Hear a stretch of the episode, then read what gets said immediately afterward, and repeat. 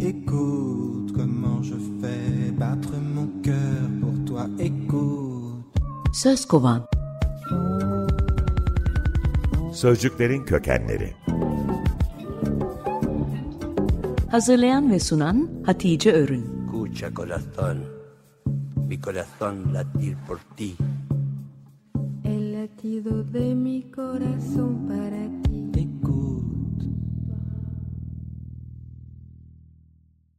İsim şehir oynuyoruz, sözcükleri kovalıyoruz.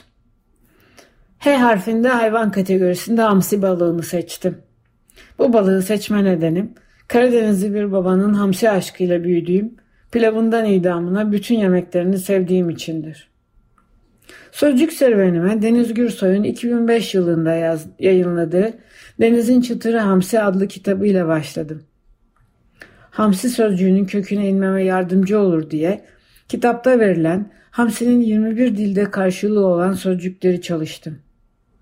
Şimdiye dek kimseden duymadığım hamsiye dair birbirinden ilginç bilgilerle o deniz senin bu deniz benim dolaştım. Linnaeus ne demiş diye başlayayım. En graulus, en crassicolus.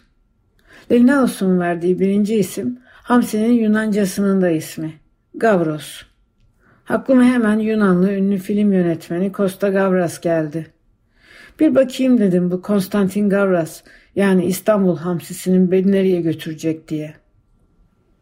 Bizans aristokrasisi olan Gabras ailesinden gelme 979 yılında Trabzon'da savaşta ölmüş bir Konstantin Gavras buldum.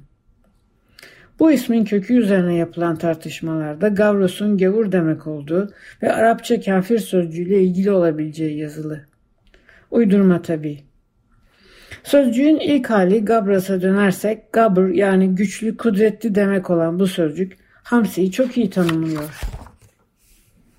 En büyüğü 49 gram gelen hamsiden daha güçlü balık var mı? Karadeniz'den yola çıkıp Marmara'da kışı geçiren, boyuna bakmadan günde 30 kilometre yol alıp tekrar evine dönen, yolda sürü tehlikeyle karşılaşınca hep birlikte pul bırakıp suları bulandıran, sonra da bu pulları alt üst sayısız iğne gibi dişleriyle öğütüp yiyen hamsi. Biri bana hamsi dese iltifat diye alırım. Hamsi isminin yılın en soğuk 50 gününe referans olarak Arapça 50 demek olan hamsin sözcüğünden geldiği savını inandırıcı bulmadım. Öyle olsaydı hamsinin Arapçası da hamsin olurdu. Değil, ançözden anşufe.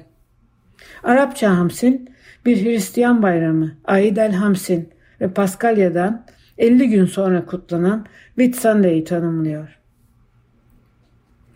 Hamsi ile ilgili Deniz Gürsoy'un kitabından okuduğum çok tatlı bir ayrıntıyı da paylaşmak istiyorum.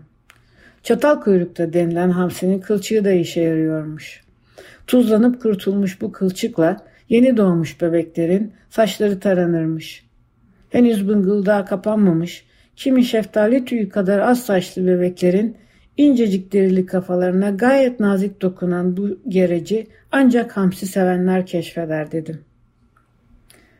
Costa Gavras'tan Noam Chomsky'ye atlayıp bir kemirgen olan hamsterın Slav dillerinden adını aldığı hams sözcüğü birbirinin pullarını kemiren hamsiyi de tanımlamış olabilir mi sorusuyla bitiriyorum. Yarın tuzun deldiği hamsiden delik deşik hırkaya.